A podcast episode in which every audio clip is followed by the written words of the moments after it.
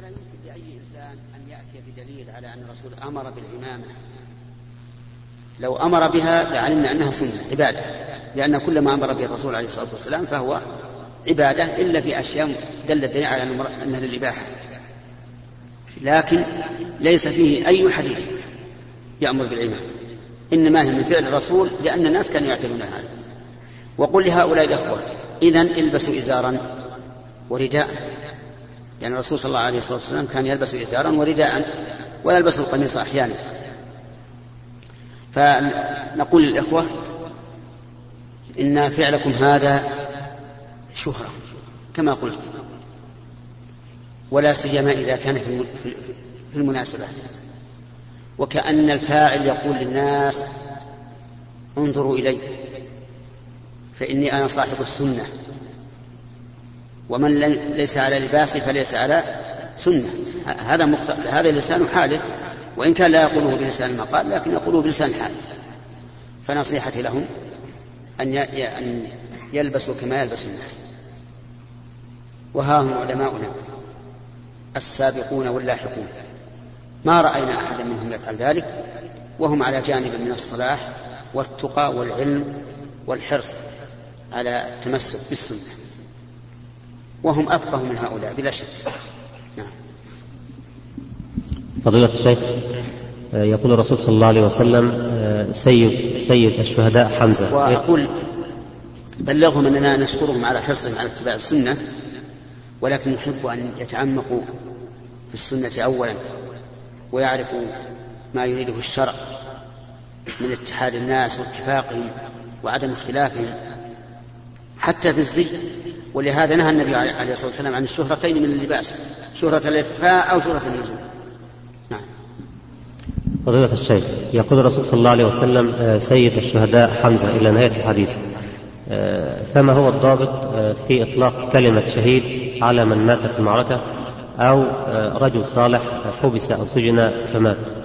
فيطلق عليه لفظ كلمة شهيد. أي نعم.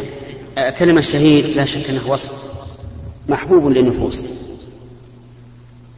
والشهداء عند ربهم لهم أجرهم ونور.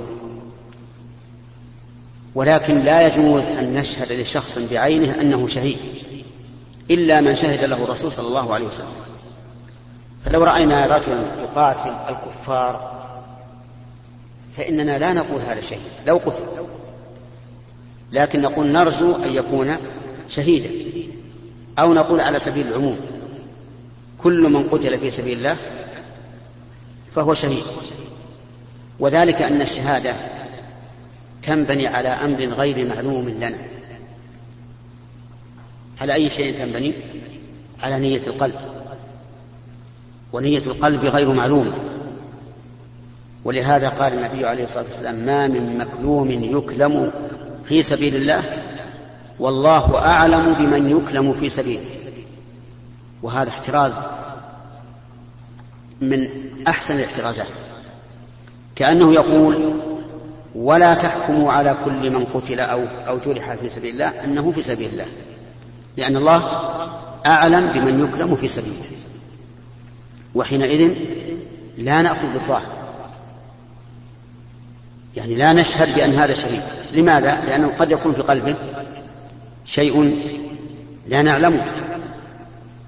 فالإنسان قد يقاتل شجاعة وقد يقاتل حمية وقد يقاتل عصبية وهي الحمية وقد يقاتل لتكون كلمة الله العليا. وهذا في سبيل الله الأخير. لكن هذا مبني على النية. الوجه الثاني أننا لا نقول فلان شهيد لأننا لو قلنا فلان شهيد لازم أن نشهد له بأنه من أهل الجنة. لأن كل شهيد فهو من أهل الجنة لا شك. ولا يجوز أن نشهد لشخص بعينه أنه من الجنة إلا من شهد له الرسول صلى الله عليه وسلم. فعرفت؟ إذا نحن إذا لم نقل إنه شهيد وكان عند الله شهيدا هل يضره؟ طيب ولو قلنا إنه شهيد وليس عند الله شهيدا هل ينفعه؟ لا ينفعه. فإذا كان الأمر كذلك فلماذا نطلق ألسنتنا في أمر لا نعلمه؟ ولكن نقول من قتل في سبيل الله فهو شهيد ونرجو أن يكون هذا الرجل ممن قتل في سبيل الله فينال الشهادة.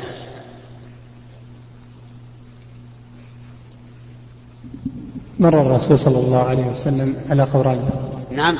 مر الرسول صلى الله عليه وسلم على قبرين. فقال أعد أعد ما سمعت.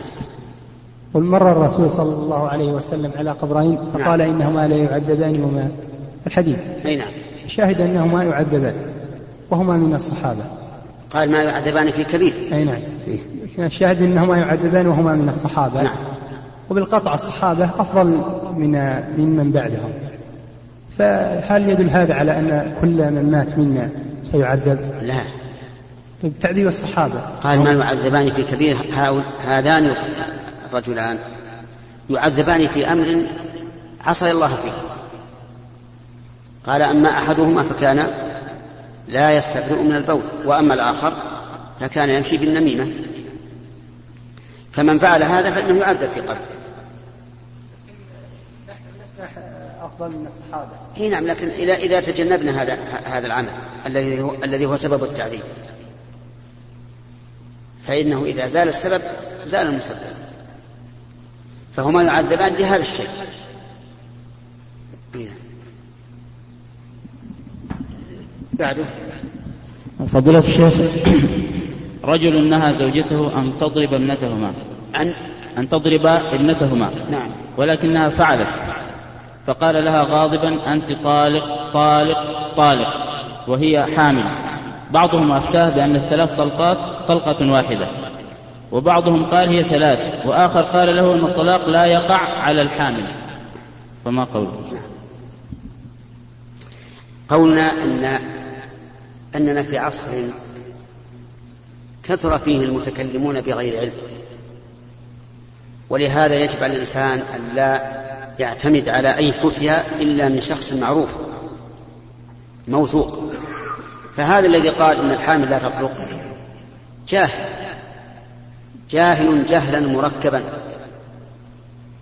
والجهل المركب أشد من الجهل البسيط لأن الجاهل جهلا بسيطا يعلم في- فيتعلم.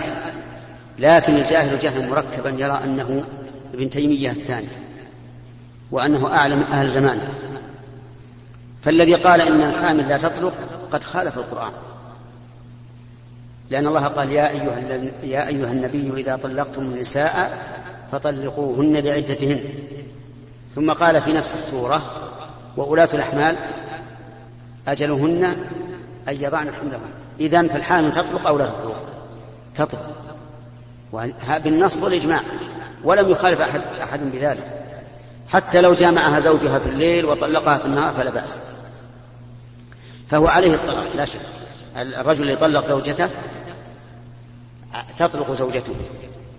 ولو كان إذا كانت حاملة فنقول للأخ السائل زوجتك طلقت. إلا إذا كان في غضب شديد لا يملك نفسه. فلا طلاق عليه. لقول النبي صلى الله عليه وسلم لا طلاق في إغلاق. لأن الغضب الشديد يحمل الإنسان على أن يقول شيئا لا يريد. فإذا كان في غضب يسير يملك نفسه ثم قال أنت طالق طالق طالق. فالطلاق واحد. حتى على مذهب الحنابلة مشهور عندهم. لأن هذا لم يكرر الجملة وإنما كرر جزء الجملة. ما هي الجملة؟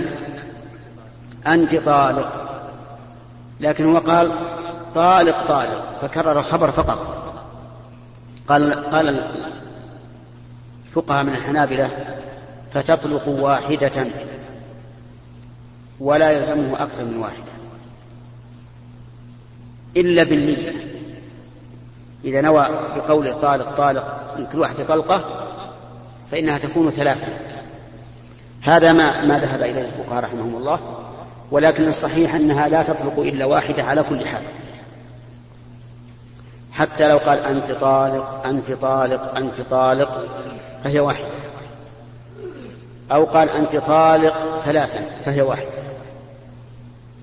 لقول ابن عباس رضي الله عنهما كان الطلاق الثلاث في عهد النبي صلى الله عليه وسلم وأبي بكر وسنتين من خلافة عمر طلاق الثلاث واحدة. فلما كثر ذلك في الناس قال عمر رضي الله عنه أرى الناس قد تتايعوا في أمر كانت لهم فيه أنات فلو أمضيناه عليهم فأمضاه عليهم.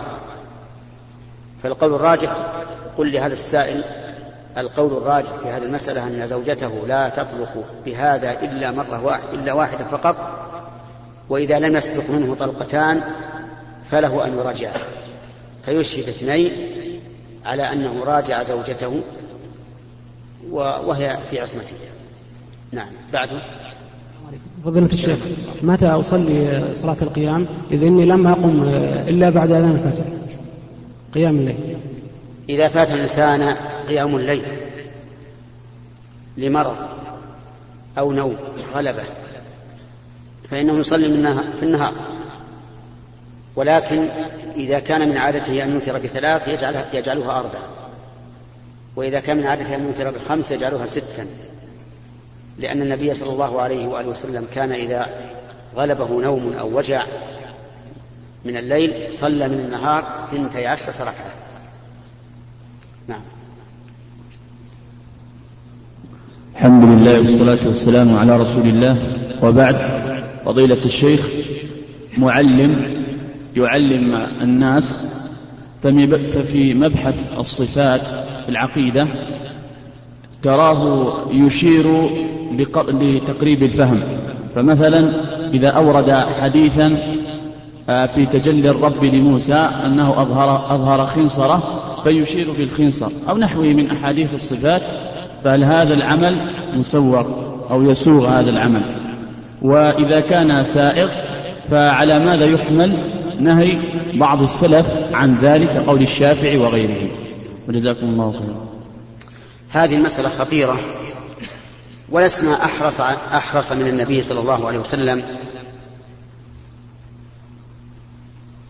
على إبلاغ الأمة ولم يكن من عادته أنه صلى الله عليه وسلم يشير إذا تكلم عن الصفات فإنه حدث أمته أنه ينزل إلى السماء الدنيا الرب عز وجل فيقول لمن يدعوني فأستجيب له ينزل في آخر الليل في الثلث الآخر من الليل ويقول من يدعوني فأستجيب له. وهل الرسول عليه الصلاة والسلام قدم رجله ليرى الناس كيف ينزل الله؟ أبدا. وقال إنه يأتي للفصل بين عباده يوم القيامة ولم يقل للناس يقول هكذا وهكذا. وكذلك استوى الله على العرش ولم يقل كاستواء على السرير أو أو يحاول أن يقلد. ولا شك أن الذي يحدث العامة ثم يشير بيده إلى معنى الصفة لا شك أنه سوف يجعل في قلوب العامة التمثيل أي سينتقلون من المعنى إلى التمثيل لأن العام لا يفهم ولا يكرر. فنقول لمن أراد أن يبين أو أن يبلغ عن الله ورسوله ما أخبر الله به عن نفسه من الأسماء والصفات نقول يكفيك هدي النبي صلى الله عليه وآله وسلم. ثم إنه قد يورد علينا أن الرسول صلى الله عليه وسلم لما تكلم على قوله تعالى إن الله كان سميعا بصيرا جعل أصبعه على عينه والثاني على أذنه. فنقول إن الرسول عليه الصلاة والسلام أراد بيان تحقيق هذه الصفة ثم إنه يحدث قوما عندهم فهم وعندهم وعي. أما العامة ولا سيما في وقتنا هذا فإنهم لو حدثوا بوصف كل صفات صفة الله تعالى بالفعل لكان لبعضهم فتنة. وقد قال ابن عب بن مسعود رضي الله عنه إنك لن تحدث قوما حديثا لا تبلغه عقولهم إلا كان لبعضهم فتنة. وقال علي رضي الله عنه حدثوا الناس بما يعرفون أتريدون أن يكذب الله ورسوله؟ فإذا أورد علينا شخص مثل هذا الذي وقع من النبي عليه الصلاة والسلام في السمع والبصر أو في قبض قبض السماوات يوم القيامة فإن نقول له لكل مقام مقال. ثم إننا نقتصر على ما جاء به النص فقط ولا نشير إلى شيء ولا نشير في شيء آخر لأنه لم يرد النص. نعم. فضيلة الشيخ يعني ما حكم إذا تعارض أمر الوالد مع الوالدة يا شيخ؟ إيش؟ إذا تعارض أمر الوالد مع الوالدة أمر واجب الوالد مع الوالدة إيه.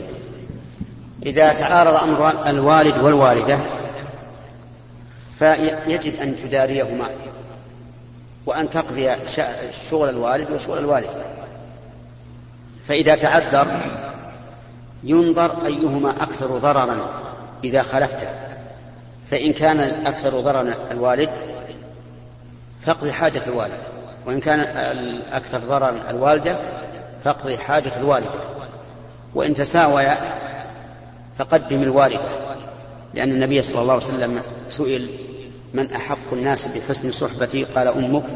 قال ثم من؟ قال أمك. قال ثم من؟ قال أمك. قال ثم من؟ من؟ قال أبوك.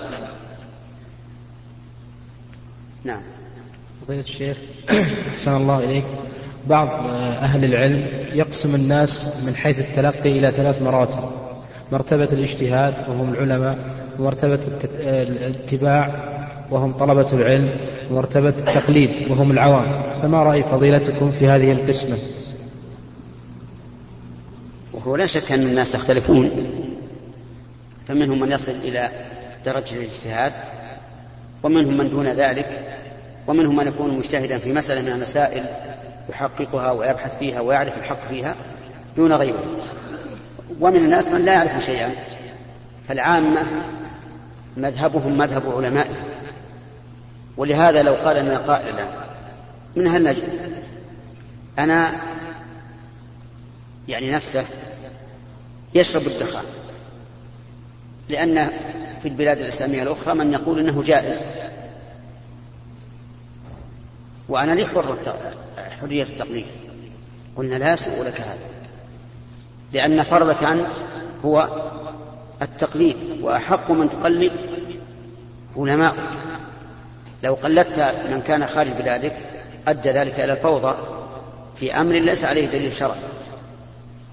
ولو قال أنا أحلق ولو قال إنه سيحلق لحيته. لأن من علماء الأمصار من قال إنه لا بأس به. يقول لا لا يمكن. أنت فرضك التقليد. لا تخالف علماءك ولو قال أنا أريد أن أطوف على القبور. قبور الصالحين. لأن من علماء الأمصار من قال لا بأس به. أو قال أنا أريد أن أتوسل بهم إلى الله. وما أشبه ذلك. قلنا لا يمكن هذا. فالعام يجب عليه أن يقلد علماء بلده الذين يثق بهم وقد ذكر هذا شيخنا عبد الرحمن بن سعدي رحمه الله وقال العامة لا يمكن أن يقلدوا علماء في خارج بلادهم لأن هذا يؤدي إلى الفوضى والنزاع. ولو قال أنا لا أتوضأ من لحم الإبل لأن من علماء الأمصار من يقول لا, لا, لا يجب الوضوء. قلنا لا يمكن يجب عليك أن توضأ. عرفت؟ الخلاف للعوام هل يسوغ هذا شيخ؟ إيش؟ الخلاف في المسألة تفصيلا للعوام. لا لا لا أبدا. العام إذا استفتاك فأفتي بما ترى أنه الراجح. وإذا كان الراجح يخالف ما عليه الناس فأفته به سرا.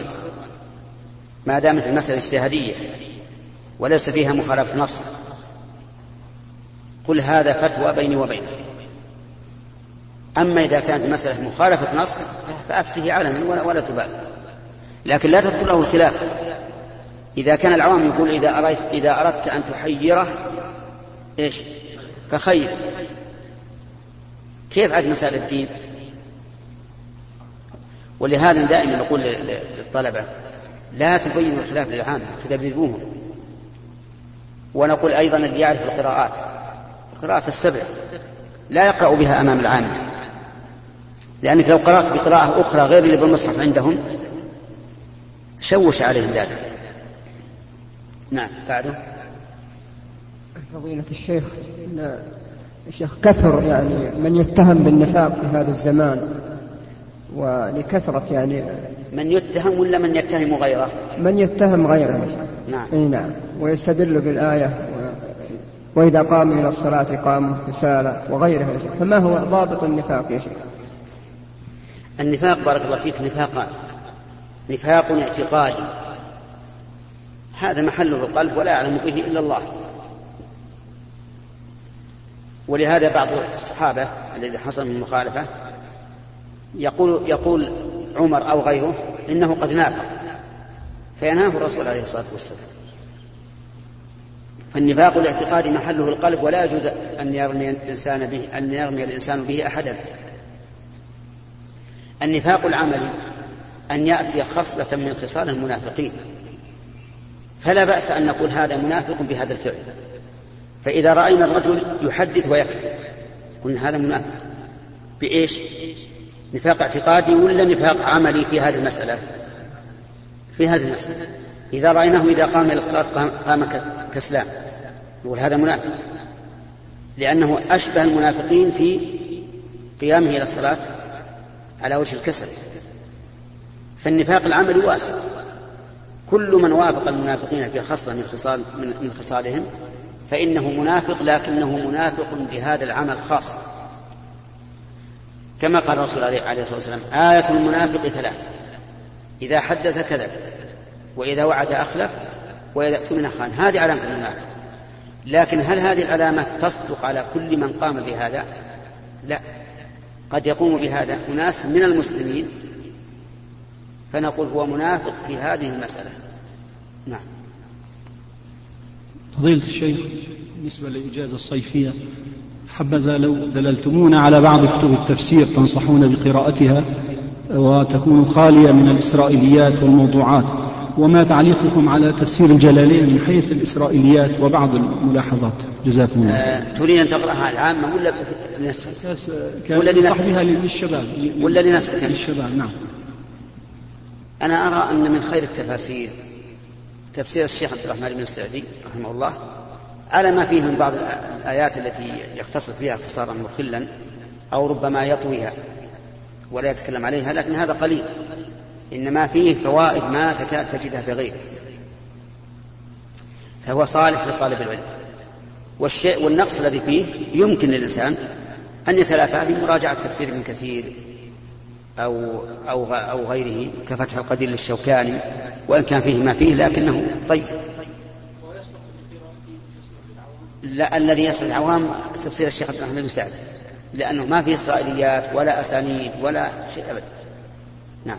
ثم على الجلالين من حيث الجلالين لطالب العلم جيد لأنه بالحقيقة زبدة وكما تعلم أنه يتمشى في مسألة الصفات على مذهب الأشاعرة فلا يوثق به بل يرد قوله. لكن في غير ذلك جيد جدا. سبك للقرآن وتنبيهه في كلمات وجيزة على أمور تخفى على على من يطالعه من أهل العلم. فإذا اجتمع آه، الفتوحات الإلهية وهو ما يعرف بحاشية الجمل مع الجلالين كان طيبا. نعم.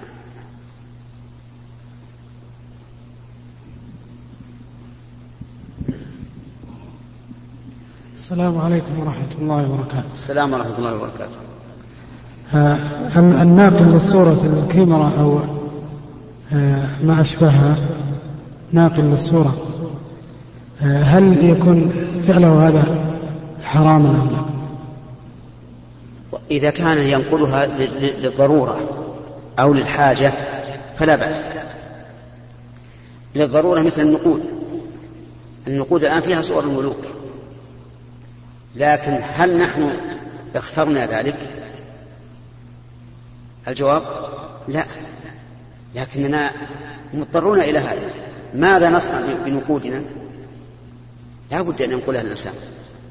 وكان الناس من قبل يحملون نقودا فيها صور غير المسلمين وهي صور مجسمة أيضا. كانوا يحملون الريال الفرنسي والريال الفرنسي فيه صورة ملك السويد.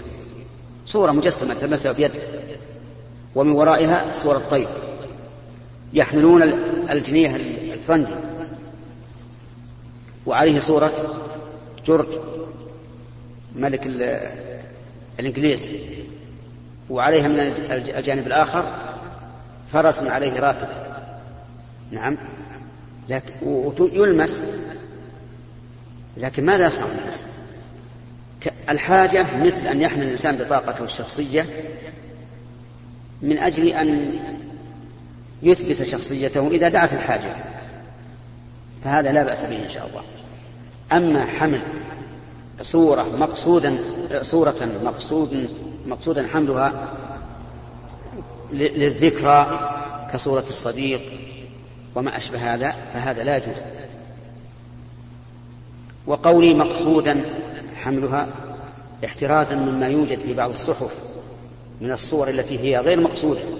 يعني أن الذي يقرأ الصحيفة ما قصد الصورة ولا, ولا يريدها هذه لا بأس من حملها.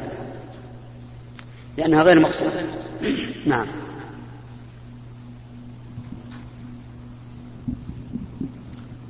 بسم الله الرحمن الرحيم. فضيلة الشيخ. لاحظوا لكن لو قال قائل يريد أن يشق الصورة فقط ويجعلها في مخواته يجوز ولا لا؟ لأنها حينئذ مقصودة. نعم. فضيلة الشيخ السلام عليكم ورحمة الله وبركاته. ما حكم الدعاء بعد الصلاة؟ الدعاء بعد الصلاة إذا كان يقصد به رقع الخلل الذي فيها فإنه مشروع. ومن ذلك أن النبي صلى الله عليه وسلم كان إذا سلم استغفر ثلاثة. قال أستغفر الله أستغفر الله أستغفر الله. يعني أسأل الله المغفرة. أما إذا كان الدعاء لغير ذلك فالأفضل أن يدعو قبل أن يسلم. لقول النبي عليه الصلاة والسلام في حديث عبد الله بن مسعود ثم ليتخير من الدعاء ما شاء. وليس من اللائق أن الإنسان إذا انصرف عن ربه بالسلام من الصلاة ذهب يدعو بل الأليق أنك ما دمت بين يدي الله تناجي الله أن تدعو الله عز وجل. ولهذا لم يكن من هدي الرسول عليه الصلاة والسلام أنه إذا سلم من الصلاة دعا إلا فيما يعتبر ترقيعا لخللها كالاستغفار وإلا فإنه لا يدعو عليه الصلاة والسلام. ما حفظ عنه ذلك لا في بعد الفريضة ولا بعد النافلة فيما أعلم إلا مرة واحدة وذلك حين وضع كفار قريش عليه سل الناقة وهو ساجد تحت الكعبة قبل الهجرة. والقصة مشهورة معروفة. فإنه لما سلم رفع يديه يده. وكأن هذا والله أعلم من أجل إغاظة هؤلاء الكفار وإدخال الرعب في قلوبهم. لأنه لو دعا وهو يصلي ما علموا بذلك. فلما فرغ من صلاته رفع يديه يدعو فهذا له سبب. هنا. أذن. وإلى هنا ينتهي هذا المجلس وإلى لقاء قادم إن شاء الله تعالى. ونسأل الله تعالى أن يعفو عنا بالنسبة للإخوان الذين لم يدركوا إلقاء السؤال.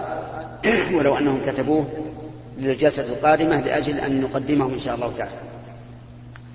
والحمد لله رب العالمين وصلى الله وسلم على نبينا محمد وعلى آله وأصحابه أجمعين.